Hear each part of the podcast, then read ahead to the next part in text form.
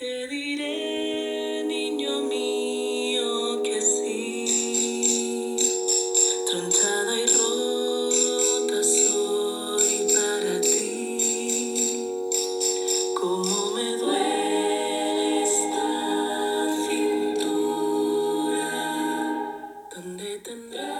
Una hierma orgànica que remou els sentits.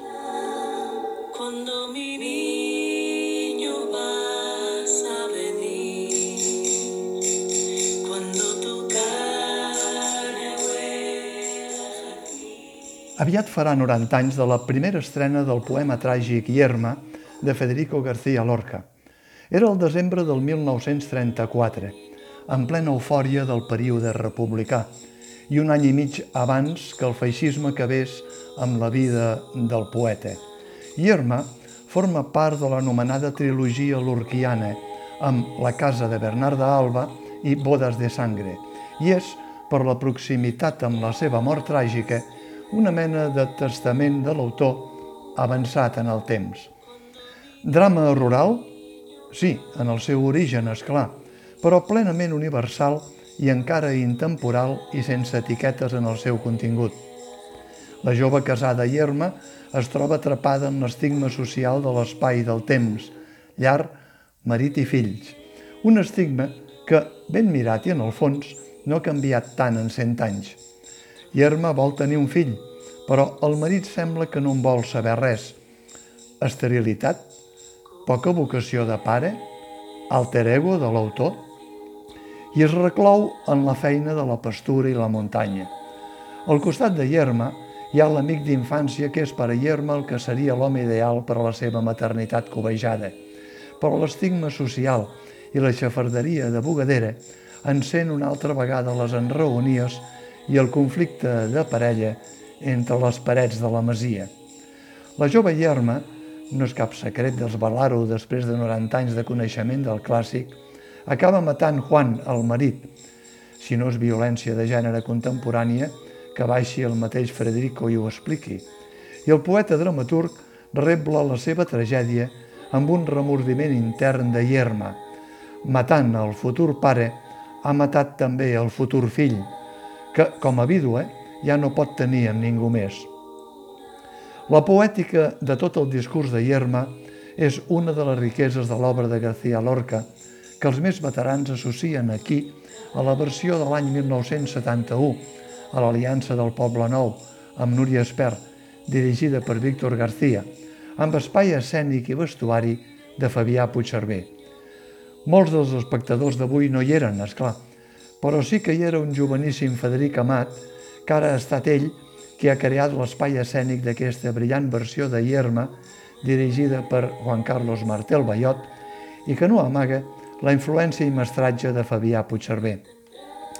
I és que, al costat del solatge de Hierma, hi ha aquesta mirada de l'artista Frederic Amat, un quadrilàter, espectadors a quatre bandes, cobert d'un simulacre de cendre. El negre no és estrany en la sonografia de Frederic Amat, perquè només cal recordar el cautxú de Tot esperant Godot, el 1999, el llibre de Gràcia. I a més, aquí ha creat un montícul que representa volgudament un món Venus, simbologia del desig maternal de Hierma, i a la vegada un riu mirall sense aigua, Riarol de Pessebre, on es representa una de les nanes de percussió coral més impactants de tota la composició original que ha compost el músic Raúl Refrí, en algun cas a partir del text de Federico García Lorca. Frederic Amat, a més, ha envoltat el centre escènic amb una mena de zootrop, fet de cortinatges transparents, com si volgués que una part de les accions es veiessin només difuminades. Els cortinatges s'obren i es tanquen i s'eleven en una mirada de l'escenògraf subtilment cinematogràfica, una altra de les seves facetes artístiques. La composició original de Raül Refrí és un altre dels atractius del muntatge. No hi ha instruments, només percussió, veu, picarols, pals, llençols enusats, i tot lliga rítmicament i musicalment amb el fons poètic de la paraula lurquiana i les nanes, que són la base del seu discurs. Juan Carlos Martel Bayot ha rejuvenit Ierma i ho ha fet posant la protagonista en el cos i l'ànima de l'actriu Maria Herbàs, una actriu debutant a Barcelona, en altres escenaris catalans ja ho va fer amb l'obra Jauria de Jordi Casanovas, però una actriu amb una remarcable recorregut en teatre, cinema i televisió que li ha valgut, per exemple, un Premi Max. La seva hierma del Teatre Lliure és una hierma orgànica que remou tots els sentits i que l'actriu ha xuclat endins amb tota la seva força per expulsar-la a fora com darts llançats a l'auditori en una interpretació tan sensible com punyent. Però no està sola. L'actriu Isabel Rocati marca empremta amb el personatge de la vella, que està al marge de la convenció social. L'actor Joan Amargós és el marit pastor que imposa la llei social sobre Yerma.